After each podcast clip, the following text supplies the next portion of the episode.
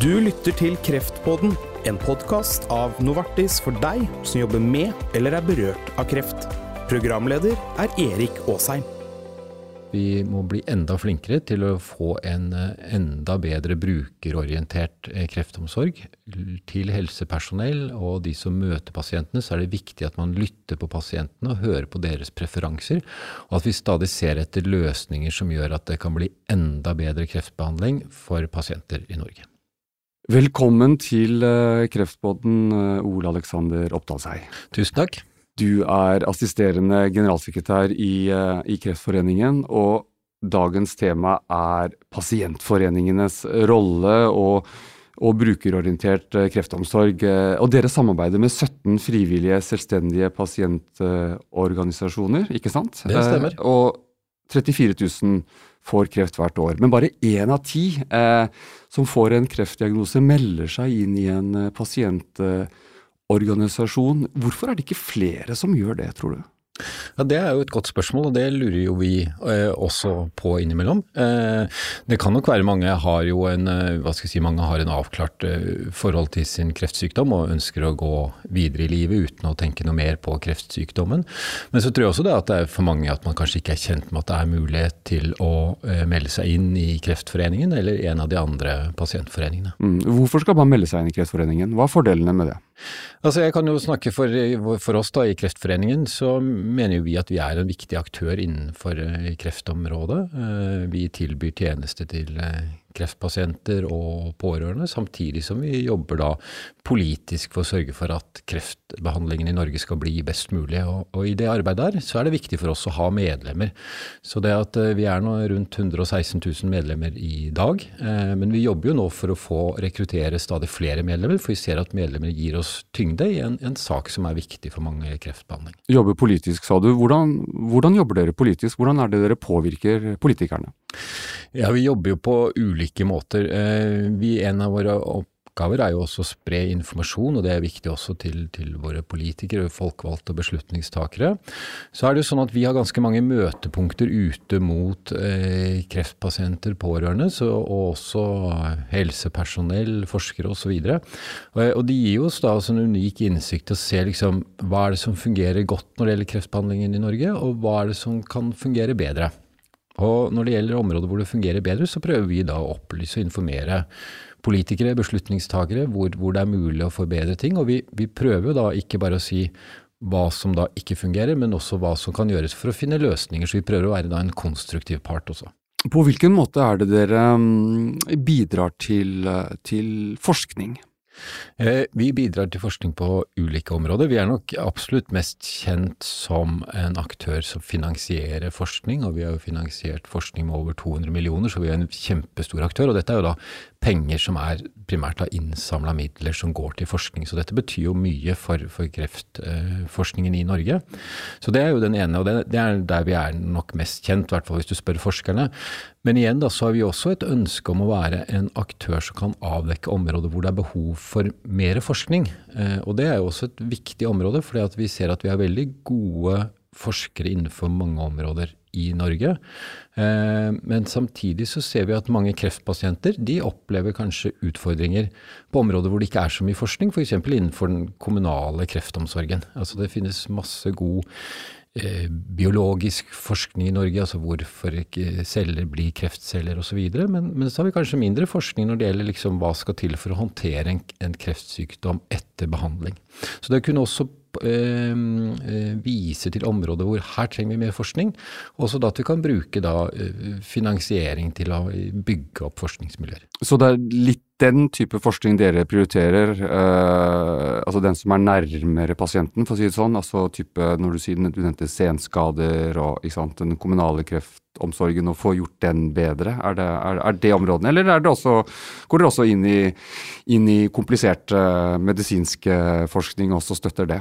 Vi eh, støtter egentlig hele bredden av norsk kreftforskning, fra den uh, cellebiologiske forskningen til klinisk forskning, translasjonsforskning, men også da over på, på mer helse, samfunnsvitenskapelig forskning i forhold til, som du sier, altså liksom hvordan håndtere senskader, eh, hvordan håndtere arbeidsliv. Så um, vi har da dette målet om at vi, vi dekker hele bredden. Men det er klart at, eh, og det er jo løpende diskusjoner vi har, er det, hvilke områder er det kanskje som bør løftes fremover. Og så er det viktig å si det at uh, vi tror heller ikke at vi kan løse disse utfordringene alene. Så vi også uh, ønsker å ha med andre samarbeidsaktører. Det kan være det offentlige som Forskningsrådet eller helseforetakene, men også andre aktører som ønsker å løfte områder av norsk kreftomsorg. Hva er de største utfordringene i dag på, på kreftområdet? Ja, altså Det som har fått veldig stor eh, oppmerksomhet i, i, befolkningen i hvert fall, er jo dette med, med tilgang til eh, nye behandlinger, nye medisiner, hvor man ser at eh, det er eh, kostbare eh, behandlinger som kommer. De har potensielt en, en, stor effekt for noen pasienter, ikke for alle. Og så er det det hvordan vi som norsk helsevesen skal kunne ta i bruk disse medisinene. Så det er jo ett område. Og så har vi jo andre områder. Har jo vært dette med hvordan man sørger for at uh, kreftpasienter får uh, gode og koordinerte tjenester. Vi, vi, vet jo det, og det er viktig å få frem, syns jeg også, det at uh, de aller fleste som får kreft i Norge, får veldig god behandling.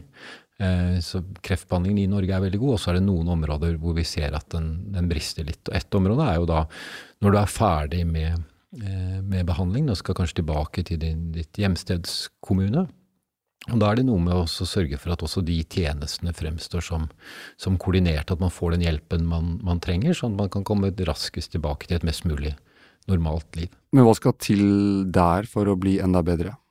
Eh, Kreftforeningen vi har jo eh, over flere år nå finansiert såkalte kreftkoordinatorer i kommunen, som har vært en person i kommunen som skal ha ansvaret for kreftpasienter, både hjelpe kreftpasienter med å finne ut hvilke tjenester de kan ha rett til på, og på hvilket tidspunkt, men også kunne lage gode systemer som gjør at kommunene blir gode til å håndtere at uh, alvorlig syke, og hvordan man skal kunne gi de best mulige tjenester. Mm. Og du nevnte nye medisiner. Hvordan, hvordan opplever dere denne, denne, debatten om nye medisiner? Altså hvordan, hvordan skal man prioritere? Eh, jeg tror jo at mange av de, eller av de prioriteringskriteriene som ligger til grunn altså på en måte Man kan velge å se på den debatten på ulike måter, men, men man må jo velge å se på den positivt, tenker jeg. Det er jo det at man får nye medisiner som har på en måte nytte for, for pasienter. Og så kan man si at det er krevende knyttet til dette med, med, med kostnader, og, og, jeg tror jo vi ser jo også at selv om vi jobber innenfor kreftområdet, så, så skjønner vi at alle pengene innenfor helsevesenet kan jo heller ikke gå, gå til kreftområdet. Så, men jeg tror det at, det at man må være villig til å kunne mm, tenke nytt når det gjelder hvordan vi tar i bruk disse medisiner. Man må være mer opptatt av hvilken effekt medikamentene også har når de brukes i klinikk. Eh, for det vi ser er jo at selv om et medikament har en, eh, en, positiv effekt, at man finner gode effekter i, i, i, forskning, så ser vi jo at det av og til er utfordringer når dette skal tas i bruk i en klinisk praksis. Så det at man kan greie å, å, å følge opp uh, bruken av medisiner, sånn at man sikrer at hva skal vi si, rett person får rett behandling, uh, og så er det jo det man ofte sier, at den, den dyreste behandling er den som ikke virker. Og den gir jo bare ekstra skade for pasienten også, sånn at man greier i enda større grad å målrette behandlingen. Så man må altså også tørre å si nei til noen? Ja, altså man, eh, man skal jo ønske at man ikke kommer, men man, man skjønner jo på en måte myndighet, altså, det er Myndighetene og det såkalte Beslutningsforum får jo mye kritikk, og så er det jo også det at de Berettiget kritikk, tenker du, eller?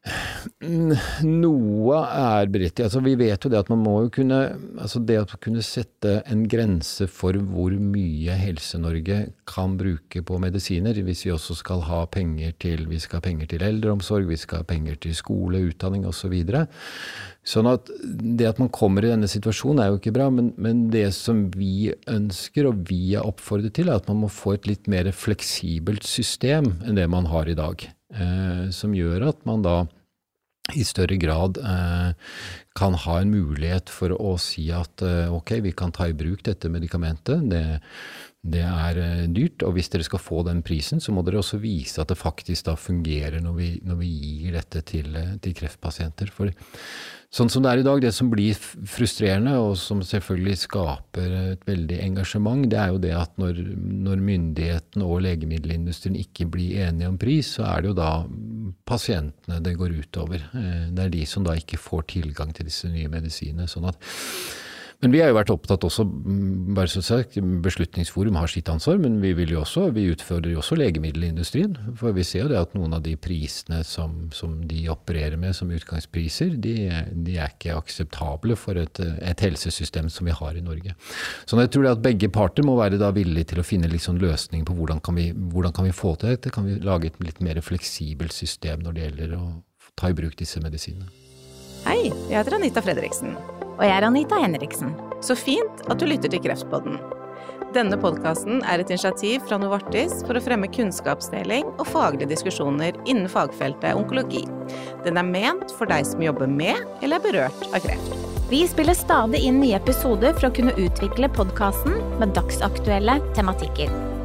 Følg med og abonner på Kreftpodden, så blir du varslet når det kommer nye episoder. Du hører på Kreftpodden. Jeg heter Erik Aasheim, og assisterende generalsekretær i Kreftforeningen, Ole Alexander Oppdalshei.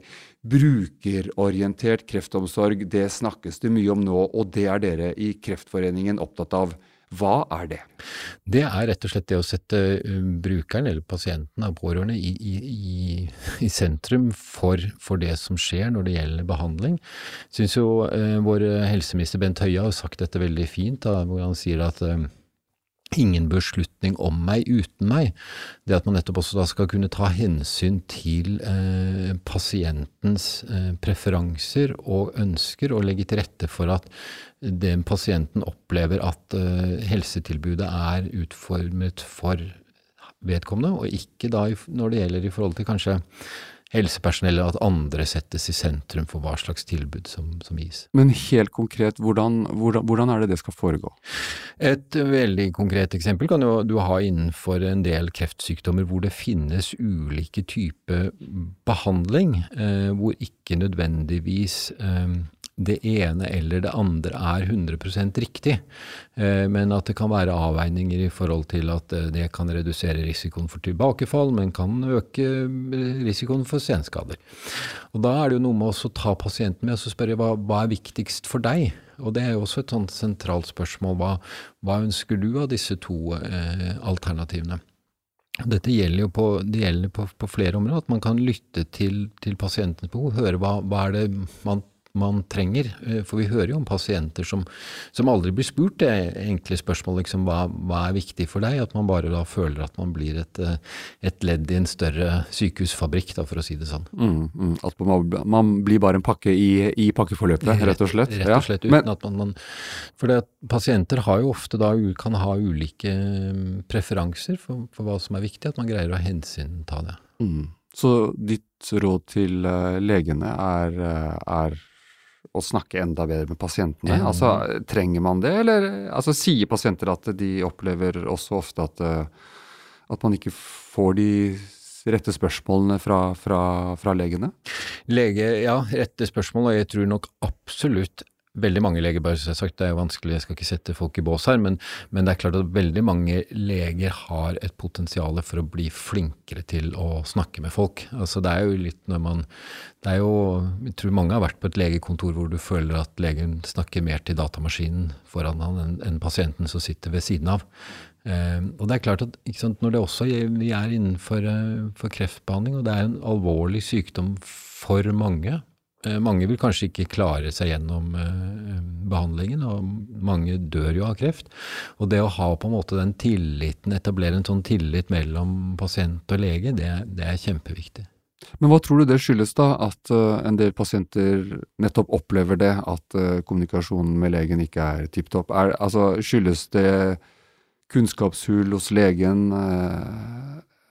At man ikke har, vet alt det man trenger å vite. altså Utviklingen går jo utrolig fort, så det er vanskelig å henge med også. ikke sant? Altså det er noe med, det er jo, Legen har noen utfordringer her også, så hvordan, hvordan skal man da gjøre legene bedre på dette?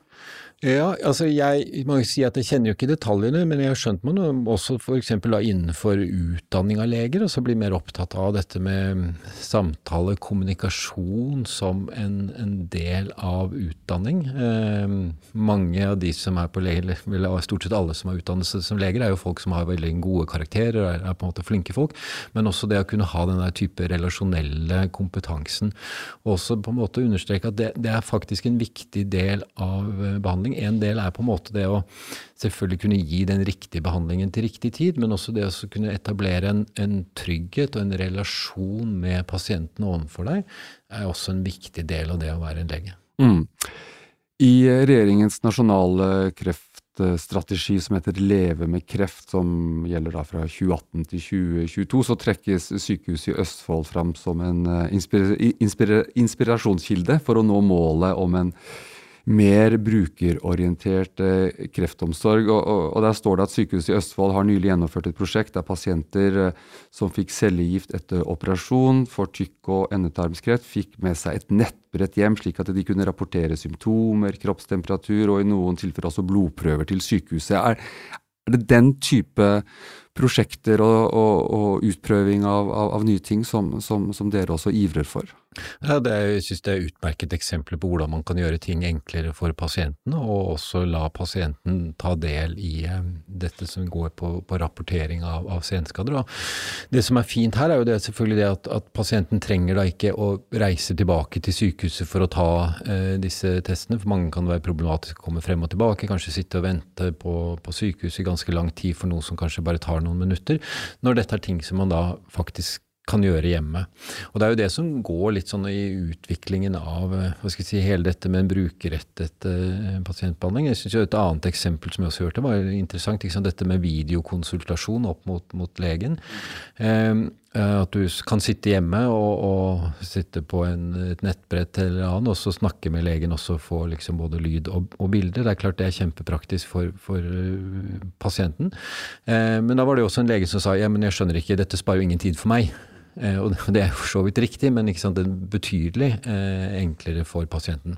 Og så er det selvfølgelig da noen igjen, og dette, det går igjen da på dette med brukerrettet eh, eh, pasientbehandling, at for noen så kan det være viktig det å møte legen face to face, mens andre da vil jeg vil heller sitte hjemme og liksom ta dette per, per telefon. Mm, mm. Og folk har også ulike ressurser, eh, og det er sosiale ulikheter. Eh, det vet vi. Eh, hvordan slår dette ut i kreftomsorgen?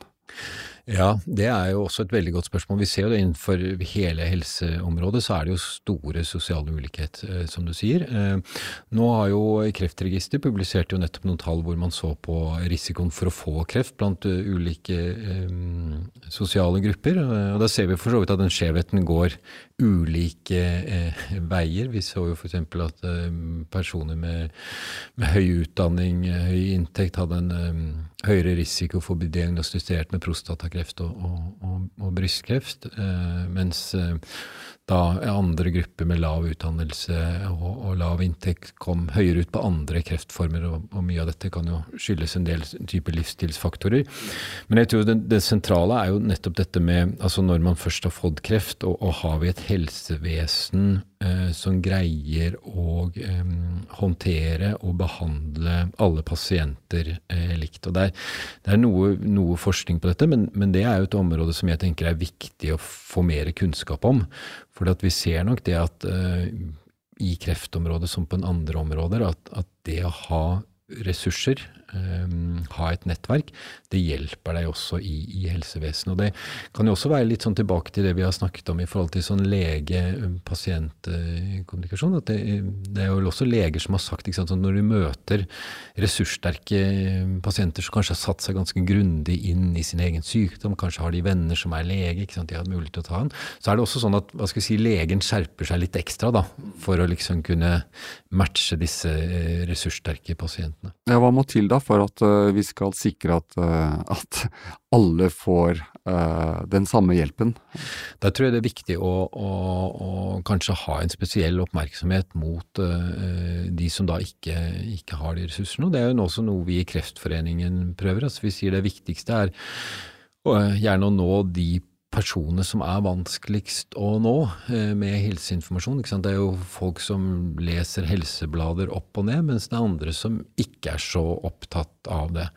Og det å kunne komme ut med, med helseinformasjon, informere om, eh, om, kreft, symptomer på kreft, hva som skal gjøres hvis man blir rammet av kreft, og, og på en måte eh, i større grad da rette rette denne informasjonen mot, mot, der hvor behovet er størst.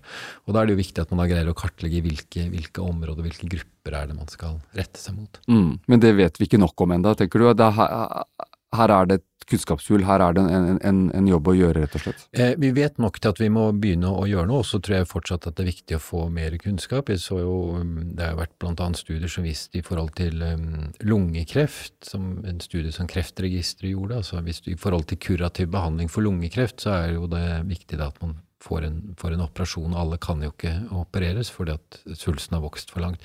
Men der så man jo også det at det var en, var en forskjell ved at uh, personer med høy utdanning, høy inntekt, i større grad fikk en operasjon enn en de med lav utdanning og lav inntekt. Og jeg tror også et Eh, nøkkelord også på et annet område er nettopp det å skape gode strukturer. For det er nok ofte sånn at eh, hva skal vi si, de med, de med, ressurser, hvis de er hos legen, og så sier legen at eh, ja, du får en time om tre-fire uker, da er det mange som selvfølgelig de slår i bordet og sier nei, det aksepterer jeg ikke, jeg skal, jeg skal ha time denne uken her. mens andre igjen, da, de hører på hva legen sier, og går hjem og venter på at legen skal ringe.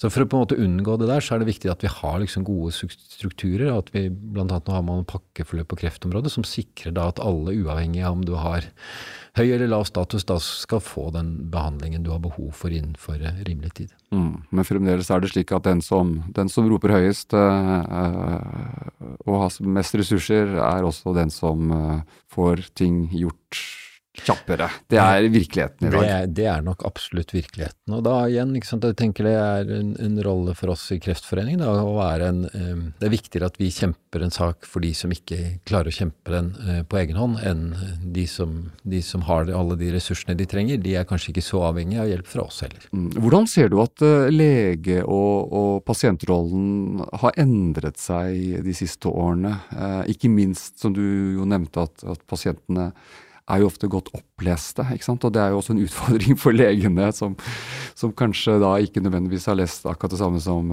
som pasientene har googla seg fram til. Ja, det er klart. Det er nok sikkert, eh, Dette kan jo sikkert de som sitter og møter leger snakke mye og lenge om. Men, eh, men jeg pleier ofte å si det at altså når jeg møter folk på konferanser Ofte så kan jeg være usikker på om det er pasienter eller lege. For ofte så er pasienten er altså så inne i hva slags type medikamenter de får, hva slags medikamenter kanskje de burde få neste gang, hvilke medikamenter de ikke får. Så, så det, er, det er en veldig stor stor kunnskap hos veldig mange pasienter. Og så opplever jeg også da, eh, vi snakket jo om dette om, om legekommunikasjon, at veldig mange leger er jo da blitt bedre. At det har blitt en, en større oppmerksomhet på det, å lytte til pasienten og tenke at uh, det at pasienten også setter seg i stand og leser seg opp at det er ikke et problem, eh, men at man også da greier å på en måte bruke det aktivt inn i behandlingen. Og igjen kunne liksom lytte litt til, til, pasientens preferanser eh, når det er naturlig. Men det er ikke nødvendigvis bare av det gode heller at måtte, pasienter leser seg så veldig opp. Altså, Det er så mye kilder, det er vanskelig å sortere, du vet ikke hva som er seriøst. Liksom, en artikkel som er ett år gammel, er ikke aktuell lenger. Ikke altså, det, det, er noe med det. Altså, hva, hva, hva hva vil du si til pasientene, liksom? Les deg maks opp, eller ville du anbefalt ta en prat med legen først, og så få litt råd om hvor du bør lese? Altså, Hvordan skal man bli guidet inn i denne informasjonsjungelen?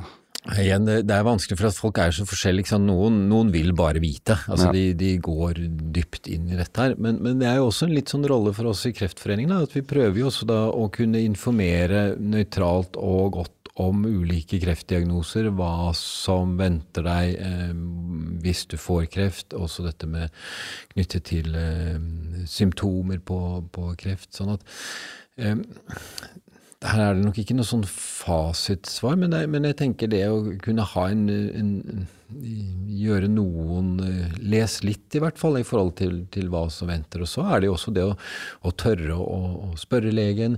Ofte dette er med Altså hvis man har mulighet, um, dette med å kunne ha med nære pårørende eller nære venner også, for det er klart at det er jo det som også gjør kan gjøre ting krevende, er jo det at det å få en kreftdiagnose, da, hvis du tar utgangspunkt i det, det er jo um, selv om stadig flere overlever sin kreftdiagnose, og vi har veldig god behandling for mange kreftdiagnoser, så er det jo sånn, det er jo et lite sjokk. Det er ikke til å komme bort ifra. Det sier jo stort sett alle, ikke sant, at du får den beskjeden. Og det er jo noe med også, liksom da, da får man den beskjeden, og så får man kanskje masse annen informasjon om hva som skal skje da og, og når. Um, og det å liksom da huske liksom etterpå, når du liksom går ut av legekontoret, hva, hva, var det egentlig som ble sagt nå? Hva var det egentlig legen sa? Eh, det å kunne ha med seg noen og spørre som er man stoler på og har et nært forhold til, det, det tror jeg er fint, som kan, kanskje kan, kan hjelpe en. Og også det å kunne så spørre legen ja, det du sa der, kan du, har du mulighet til å skrive det ned for meg? Eh, sånne type ting er på en måte viktig. Og igjen, da, en mulighet også for å, å, å kunne få ta kontakt igjen da, hvis man har ytterligere spørsmål. Mm. Du nevnte det, kreft er liksom det, det, verste sykdomsordet fremdeles, tross for at det har vært en revolusjon innen, innen behandling det, liksom det siste tiåret. ikke sant? Altså, hvert år er det liksom nye gjennombrudd. Hva er det dere ikke har klart å kommunisere ut? Altså, altså hva er det Hvordan skal dere få folk til liksom å klare å slippe litt taket og tenke at uh, altså, kanskje det går bra. Altså at ikke det skal være dette verste ordet fremdeles. Ja, det er det, det har jeg tenkt mye på, for det er jo akkurat sant, nå så Vi kom de siste tallene fra Kreftregisteret. Um, tre av fire uh, som får en kreftdiagnose, de overlever den.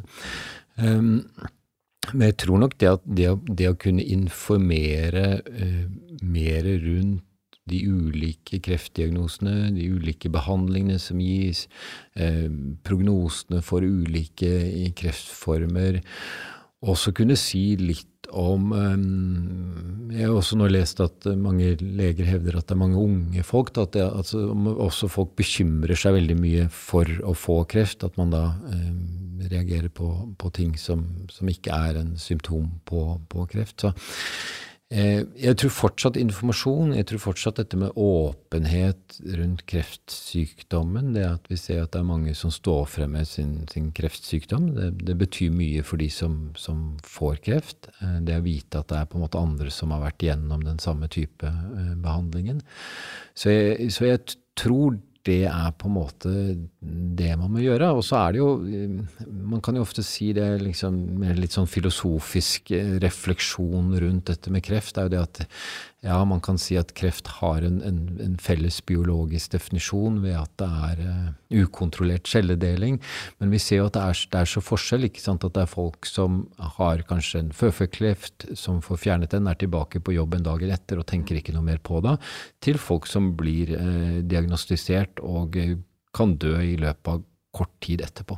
Så det er en såpass bredde da, som skjuler seg bak dette kreftbegrepet. og Det er kanskje vanskelig å komme helt bort ifra, men, men mer informasjon, mer kunnskap, det kan også redusere unødvendig frykt. Tre ting å ta med seg fra denne samtalen. Ja, For det første så tenker jeg det er viktig å ta med seg det at det finnes i eh, Kreftforeningen og også andre pasientforeninger som man kan ta kontakt med eh, dersom man får kreft eller er noe man lurer på rundt kreft. Og det er også foreninger som, som, trenger støttespillere, som trenger medlemmer for at de skal kunne uh, utfordre myndighetene på, på kreftområdet. Uh, det andre tenker jeg å få frem, det syns jeg også er viktig at vi i Kreftforeningen sier, det er det at det gis veldig mye god kreftbehandling i Norge i dag. Uh, de aller fleste som får kreft, får veldig god behandling. Og så ser vi at det er på noen områder hvor det dessverre eh, svikter, og det må vi sammen jobbe for at vi skal få enda bedre kreftbehandling. Eh, det tredje jeg har lyst til å, å, å, si, er det at vi må bli enda flinkere til å få en eh, enda bedre brukerorientert eh, kreftomsorg. Til helsepersonell og de som møter pasientene, så er det viktig at man lytter på pasientene og hører på deres preferanser, og at vi stadig ser etter løsninger som gjør at det kan bli enda bedre kreftbehandling for pasienter i Norge. Takk til deg, Ole Alexander Oppdalshei, assisterende generalsekretær i Kreftforeningen. I neste episode så får jeg besøk av Anders Våge. Han er overlege og kreftforsker ved St. Olavs hospital i Trondheim, og temaet da er ulike typer for blodkreft. Jeg heter Erik Aasheim. Vi høres i Kreftpodden.